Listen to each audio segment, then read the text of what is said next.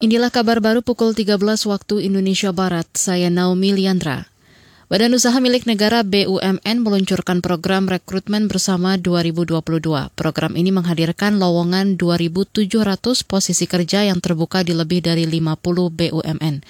Menteri BUMN Erick Thohir memastikan lowongan kerja yang dibuka ini akan mewujudkan generasi yang siap menghadapi kebangkitan ekonomi menuju Indonesia emas di 2045.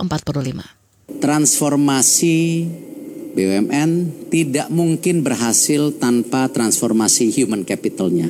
Itulah yang penting buat kita memastikan bagaimana keberpihakan kita kepada talenta-talenta terbaik untuk bergabung di BUMN.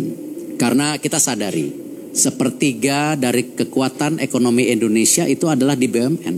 Jadi kita harus sadari juga bahwa kita yang berkarir di BUMN adalah putra-putri yang terbaik Menurutnya harus ada regenerasi kepemimpinan yang baik di perusahaan-perusahaan plat merah yang ada. Erik menekankan kontinuitas kepemimpinan di BUMN harus terus berlanjut dengan figur-figur atau generasi muda yang tidak hanya punya kapabilitas, tetapi harus punya karakter dan akhlak yang baik. Kantor Pos Balikpapan hari ini mulai menyalurkan bantuan sembako dan bantuan langsung tunai minyak goreng. Kepala Kantor Pos Balikpapan Wendy Nugroho mengatakan bantuan disalurkan kepada lebih dari 12 ribu keluarga penerima manfaat. BLT minyak goreng. BLT minyak goreng ini seluruhnya melalui PT Pos Indonesia 3 bulan, alokasi April, Mei, Juni. Per bulannya alokasinya 100 ribu. Jadi kalau yang tadi bantuan oh. sembako itu 200 ribu, hmm. sedangkan yang minyak goreng per bulannya 100 ribu, 3 bulan sekaligus, jadi 300 ribu. Sehingga 300 ditambah 200, maka satu KPM akan mendapatkan nilai 500 ribu sekaligus dalam pembayaran itu ya.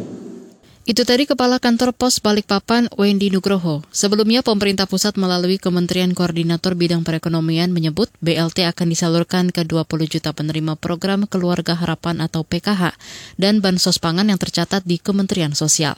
Tak hanya itu, bantuan juga diberikan kepada pedagang kaki lima warung atau PKLW yang berjumlah 2,5 juta penerima. Adapun anggaran yang disiapkan sebesar 6,95 triliun rupiah. Kita beralih ke berita olahraga.